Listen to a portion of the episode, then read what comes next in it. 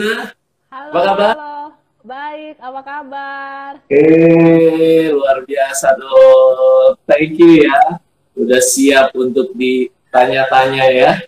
Ya, Tanya apa? ya jadi ya jadi tanya apa aja pokoknya ya. Tentang bisnis dan sebagainya. Christina, basically jelasin dulu dong kepada yang lagi hadir di sini. Kalau biasanya kan Christina kemarin interview Coach Anas Pauli gitu ya. Sekarang ini kesempatan saya balik tanya nih ke Christina. Dipanggilnya Tin, ya. Bener nggak Tin? Masih Iya. Tin? Iya, panggil. Tin aja. Siap. So Tim, jelasin dulu Tim mungkin kepada yang lagi lagi nonton sekarang gitu ya. Uh, bisnisnya apa sih Tim dan kenapa diundang sama Coach? Bisnisnya apa mungkin lebih diceritanya? Siapa sih Christina Lee ini gitu?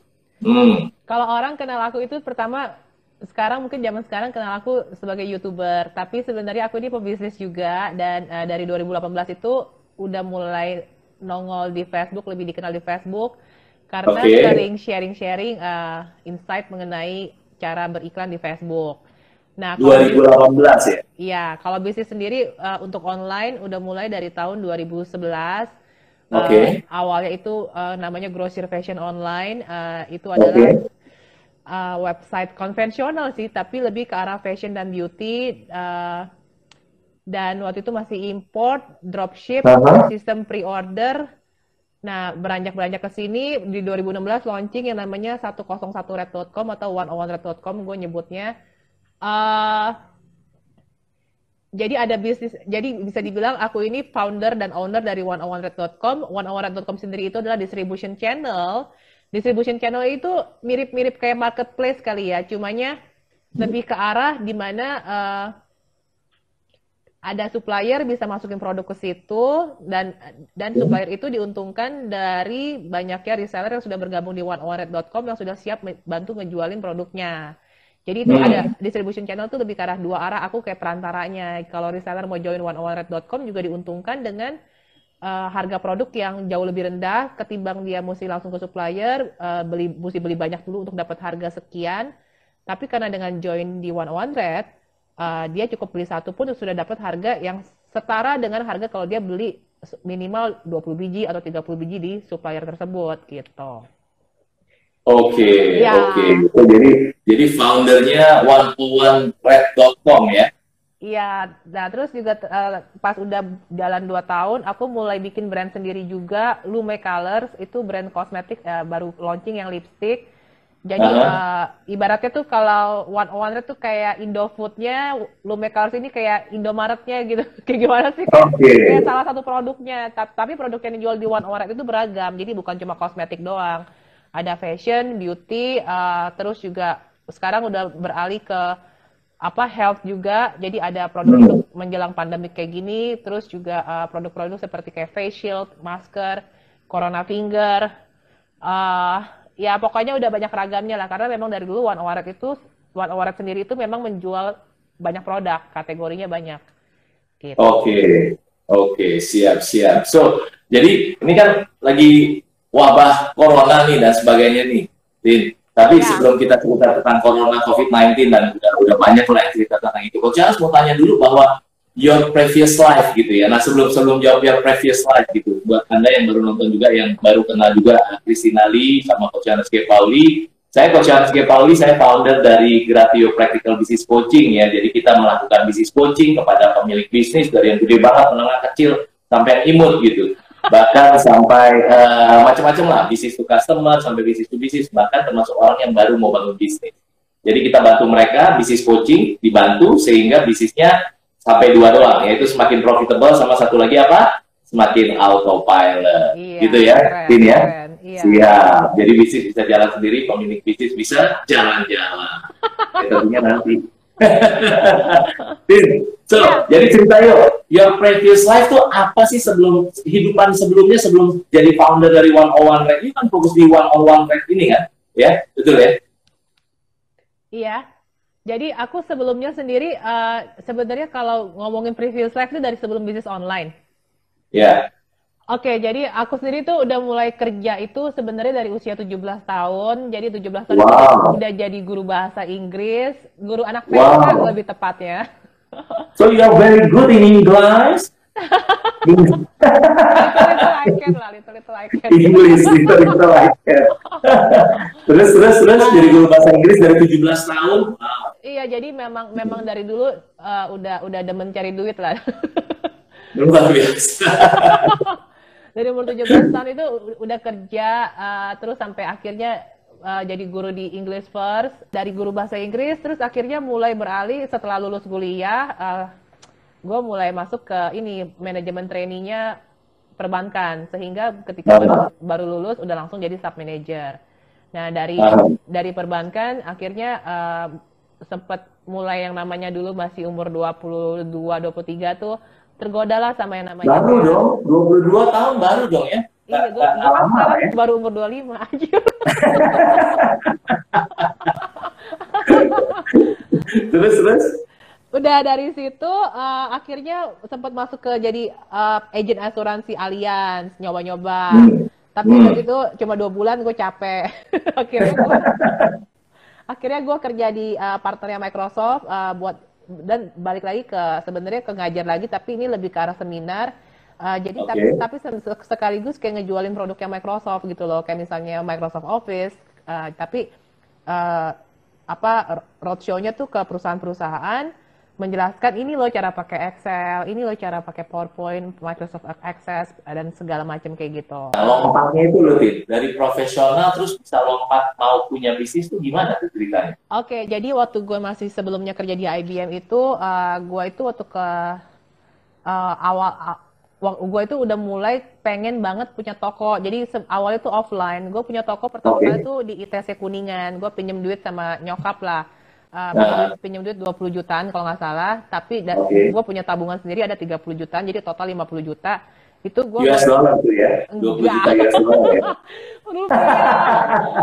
itu itu buat gue pertama kali uh, nyewa toko di ITC Kuningan sama gue jualannya apa sih beli uh, gue waktu itu uh, jualan baju-baju kaos band kaos band tapi yang original punya yang, Jadi kalau orang ITC waktu itu kuningan ketemu dong, eh Cipin, Cipin iya, gitu ya? Iya, cumanya waktu itu kan waktu itu gue sambil sambil kerja kan, jadi gue udah mulai buka toko, okay. bisnisnya berkembang sampai dalam waktu dua tahun waktu gue udah kerja pas resign dari dari Prudential itu gue total udah punya lima toko, lima toko hmm. offline. Lima toko wow. offline di ITC Kuningan, di Ambassador. Bidangnya sama semua, Uh, akhirnya, oh. akhirnya merambah ke fashion aksesoris. Okay. Fashion aksesoris. Uh, hmm. Jadi karena awalnya awalnya waktu import import baju itu, uh, hmm. gue lebih ke arah hand carry sih, lebih ke hand carry. Gue pergi ke Singapura hmm. ngambil produknya di sana, gue jualin di Indo. Nah hmm. terus uh, karena udah mulai ngerasain sedapnya berjualan dagang gitu, eh, kayaknya enak ya daripada gue kerja capek-capek nih dagang kayaknya enak nih. Uh, gue mulai dong mencari supplier-supplier yang lain. Akhirnya mulai uh, traveling tuh mulai dari ke Bangkok, ke Cina lah nyari-nyari produk sampai akhirnya pas lagi di Cina itu ada salah satu agensi uh, yang fashion accessories itu nawarin uh. nawarin eh lu mau nggak gue bikinin website? Gue bikinin website produk-produknya gue upload. Lu tuh lu tuh pokoknya tinggal datengin traffic aja deh. Dia bilang kayak begitu. Itu waktu itu Christina belum tahu sama sekali tentang ads apa atau belum, udah agak belum, tahu? belum belum tahu oh, sama wow. sekali. Jadi hmm. uh, itu dia nawar itu tahun 2010 2010 berdirilah Grosir Fashion Online di mana jualan kayak uh, itu langsung ada isinya 10 ribu produk kali ya. Nah, tapi itu kan import hmm. semua. Jadi gue nggak nyetok jadi itu benar-benar hmm. minim resiko banget gue tuh cuma taunya nawar-nawarin ke teman-teman gue nah berhubung okay. gue itu selalu nyimpen email-email temen gue kayak list email dari yang kantor lama kantor ini ya dulu gue ta taunya cara jualannya gue ngeblas aja ke email manual banget gitu masih. Iya, gitu. tapi ngeblas email ya segedung dapat email gue semua. Eh, gue baru bikin website nih. lu belanja di sini, awas lu nggak belanja gue gitu-gitu ya. Nah, terus, terus, singkat cerita karena memang waktu itu belum banyak saingan, uh, di mana itu aksesoris murah banget sih. Dulu gue jualan kayak gelang, kalung, anting gitu. Mungkin karena dulu kan uh, online-online tuh belum banyak yang masuk ya uh, pemain big player kayak macam Salora, Tokopedia tuh belum ada. Sementara belum ada ya, marketplace belum ada tahun 2010 uh, ya. 2010 itu masih ada toko bagus, OLX kayak gitu loh. Hmm, cumanya yeah, yeah, cumanya yeah. belum belum semasif sekarang. Jadi uh, yeah, yeah. Kayak misalnya gua aja tuh bisa sampai amazed dengan harga-harga waktu gua ngeliat barang di Cina gitu uh, kayak gelang aja misal 20 ribu. Padahal ini gelang hmm. kalau dijual di mall tuh harganya bisa 100 ribu gitu loh. Nah, gue Oh, tuh wow. gue tuh markupnya gila sih karena gue gue gue gue lihat ini dimulai jual seratus ribu ya udah modal dia dua puluh ribu harga jual ecer dia dua puluh ribu gue kali dua pun masih orang anggap murah Betul. Gitu. Iya. dan- Ah. Jadi eh, begitu udah mulai jalan masih cuma mouth to mouth bahkan sampai beberapa teman kantor gue akhirnya jadi reseller. Eh Tin gue beli sama lu gue jualin lagi ya. Ya silakan gitu kan. Hmm. Nah di awal Januari itu awal Januari 2011 eh itu kan eh, akhirnya kan gue gue divorce sama mantan laki gue yang pertama. Ya, Nah, ya. nah, terus karena akhirnya eh, gue ngerasa soalnya kan gaji gue udah cukup lumayan ya waktu di perusahaan yang terakhir itu. Ya. Kalau gaji udah lumayan itu juga gue pulang pulang kerja tuh pasti malam jam 7 jam 7 malam dari sono aja sampai rumah tuh bisa jam setengah sembilan. Pagi-pagi Ah. jam 6 udah berangkat. Biar sampai sono tuh jam setengah 8 kalau nggak jam 8 kalau nggak macet banget. Karena kan gue tuh kantornya di Kuningan. Akhirnya gue memu- memutuskan untuk resign. Resign kenapa? Oke. Biar gue masih bisa ketemu sama anak gue. Anak gue waktu itu baru umur Oke. 2 tahun. Oke, dan full time ngurusin yang yang tadi website tadi yang Iya, dibangun iya, awal iya. gitu. Cumanya Oke, gue sama toko masih ada ya Tin? toko masih ada. Cumanya gue pun re- resign juga nggak langsung jejek-jejek resign kayak idealis banget. Oh pokoknya demi keluarga bla bla bla. Karena waktu itu Iya, juga iya. omset dari online pun gue udah ngelihat omset dari online profitnya aja tuh udah setara gaji gue. Oh, luar biasa dong. Iya. Nah, Tin, sebelum diterusin nih, Tin, mau ngingetin buat yang lagi nonton kita berdua nih, ini ada buku bisnis Iswan nih. Jadi ini nanti buat Anda yang dengerin dan belajar dari Kristinali sama Coach Charles K. Pauli, kita mau kasih gratis buku ini. Ini buku seru banget nih. Kenapa? Karena isinya tujuh strategi praktis Betul, betul. lengkap sudah terbukti berhasil bikin bisnis bisa apa? Profitable autopilot. Dan Profitable, ini profitable.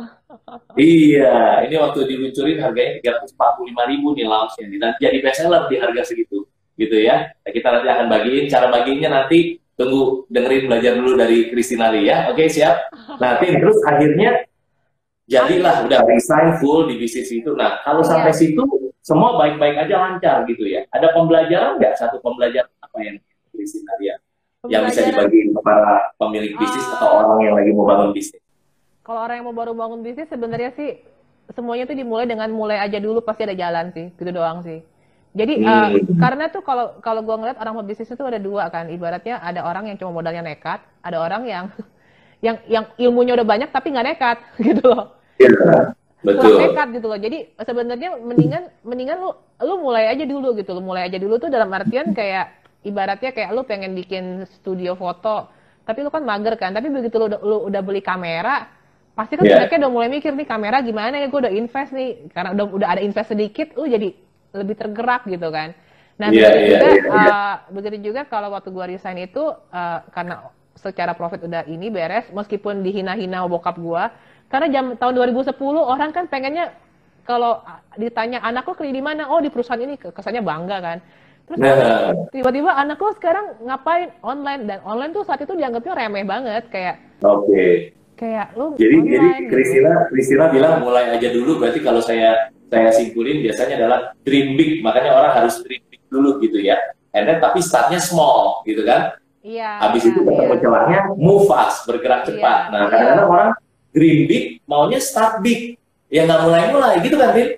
iya betul betul Ya lebih bahaya lagi orang yang no dream no start gitu kan. Jadi ngobrol aja Jack gitu ya. Ini by the way yang mau yang mau yang mau bukunya bilang mau coba di komen yang mau bilang mau di komentar gue jangan kasih tahu cara dapetin buku ini gratis buat anda ini benar-benar praktis banget isinya daging banget biasanya Bagus kok kita- bukunya. Itu itu juga salah satu buku yang gue baca kayaknya dua tahun lalu dan itu keren banget bukunya. gimana bukunya Tin? Bagus kayak gimana Tin? Ah bukunya itu tuh soalnya gue demennya bahasa itu bahasa mama banget sih menurut gue. Bahasanya tuh gampang dicerna, terus contohnya banyak itu yang gue suka. Jadi tuh bener-bener kayak begitu lo baca langsung pengen praktek. Karena tuh beneran gampang dicerna. Jadi bukan kayak mengawang-awang terlalu teoritis banget gitu. Iya iya karena emang mulainya emang berasal dari coaching banyak pemilik bisnis di lapangan benar-benar gitu ya. iya, iya. Iya, siap. So, balik lagi ceritanya ke Kristinali, ya. Nah, Jadi iya. pembelajarannya mulai aja dulu tadi buat punya bisnis. Oke, terus habis itu bisnisnya key milestone berikutnya apa, Tin? Bisa sampai hari ini apa satu yang yang jadi milestone buat seorang Kristinali? Uh, sebenarnya milestone-nya itu lebih ke arah ketika uh, gue itu berani ngiklan sih, berani ngiklan di Facebook. Jadi kan gue akhirnya kenal sama si Roy, laki gue yang sekarang itu, dan dia nah. orangnya kan lumayan gadget dan teki-teki gitu kan. Nah dia sendiri okay. bilang, lu punya usaha online, kenapa lu nggak Facebookin, kenapa nggak lu iklanin? Hmm. Nah, nah akhirnya di situlah gue mulai belajar secara otodidak uh, Facebook, karena uh, gue juga ibaratnya mungkin karena banyak pengalaman di dunia kerja itu di bidang analisa data gue tuh orangnya hmm. data banget dan it, it, it, itu okay. juga itu juga yang sehingga membuat gue sebenarnya lebih pede ketika bermulai bisnis online karena tuh banyak sekali kalau gue lihat ya pengusaha sekarang itu mainnya main feeling ah menurut gue hmm. produk yang ini bakal rame itu feelingnya doang nggak ada nggak ada data nggak ada the base assumption lu berdasarkan apa kayak gitu terlalu feeling terlalu asumsi iya, gitu iya ya. terlalu asumsi jadi uh, akhirnya ketika gue mulai mulai ngiklan Facebook itulah di mana uh, eh, omset gue dalam tiga bulan itu bisa naik sampai 10 kali lipat. Gitu. Puluhan kali lipat? 10 kali lipat. 10 kali lipat. Sejak yeah. pasang iklan Facebook zaman yeah, itu 2000 yeah, yeah. berapa sih uh, 2011 Uh, 2011 2011 ya cumanya omsetnya oh, bisa, bisa naik 10 kali lipat karena juga awalnya juga masih baru 100 100 juta 120 jutaan gitu sih omset okay. pertama. Ya terus dalam tiga okay. bulan naik 10 kali lipat. hmm Uh, dan lu itu lumayan sih, banget lah, bagus ya, banget dong. Banget, orang, orang, orang profit gue setengahnya anjir. kan gue nah, dua kan. Terus udah da dari situ mulai hire hire karyawan segala macam. Uh, tapi kalau hmm. hire karyawan sih bukan something new ke gue karena kan waktu punya toko offline gue udah udah ngerti lah, udah mulai oh ya kayak gini gini gitu. Hmm. Jadi sebenarnya uh, ibaratnya mungkin lesson to learn di sini adalah untuk para pengusaha yang zaman sekarang itu, lu mesti bisa beda dari pengusaha yang lain gitu loh. Kalau pengusaha yang lain nggak ada yang iklan, beda sama pengusaha yang lain. Iya nah. iya iya. Kalau nggak hmm. yang lain nggak ada yang iklan ya lu ngiklan gitu kan. Kalau itu contoh okay. yang di masa kayak gitu. Jadi uh, siapa yang berani dia yang dapat lah kasarnya. Nah kalau okay. iya, nah, nah dari grocery fashion online itu uh, ngerintis ngerintis. Akhirnya uh, di tahun 2016 gue udah mulai ngeliat lagi dong kan pasti setidaknya mesti ada something yang uh, develop. 2016 berarti lima tahun kemudian iya, itu kan? iya iya. uh, apa yang terjadi itu yang terjadi adalah uh, waktu itu gue ngelihat gimana ya biar reseller tuh pada loyal gimana sih biar reseller itu. Soalnya kan gue ngelihat uh, waktu itu kan masih website konvensional sekali kan. Orang hmm. orang ngambil ke gue tapi itu paling cuma ke setelah kadang setelah enam bulan eh toto kok nih orang hilang ya nggak ngambil lagi padahal gue ngambil gede ngambil gede gitu kan. Yeah. kan kadang gue gue suka kirim survei kan gue kirim survei ternyata bukan karena faktor harga tapi karena nggak sempet lah dia baru lagi hamil lah atau dia baru dapat kerjaan lah jadi masih menganggap bisnis itu tuh kayak masih masih bisnis sampingan.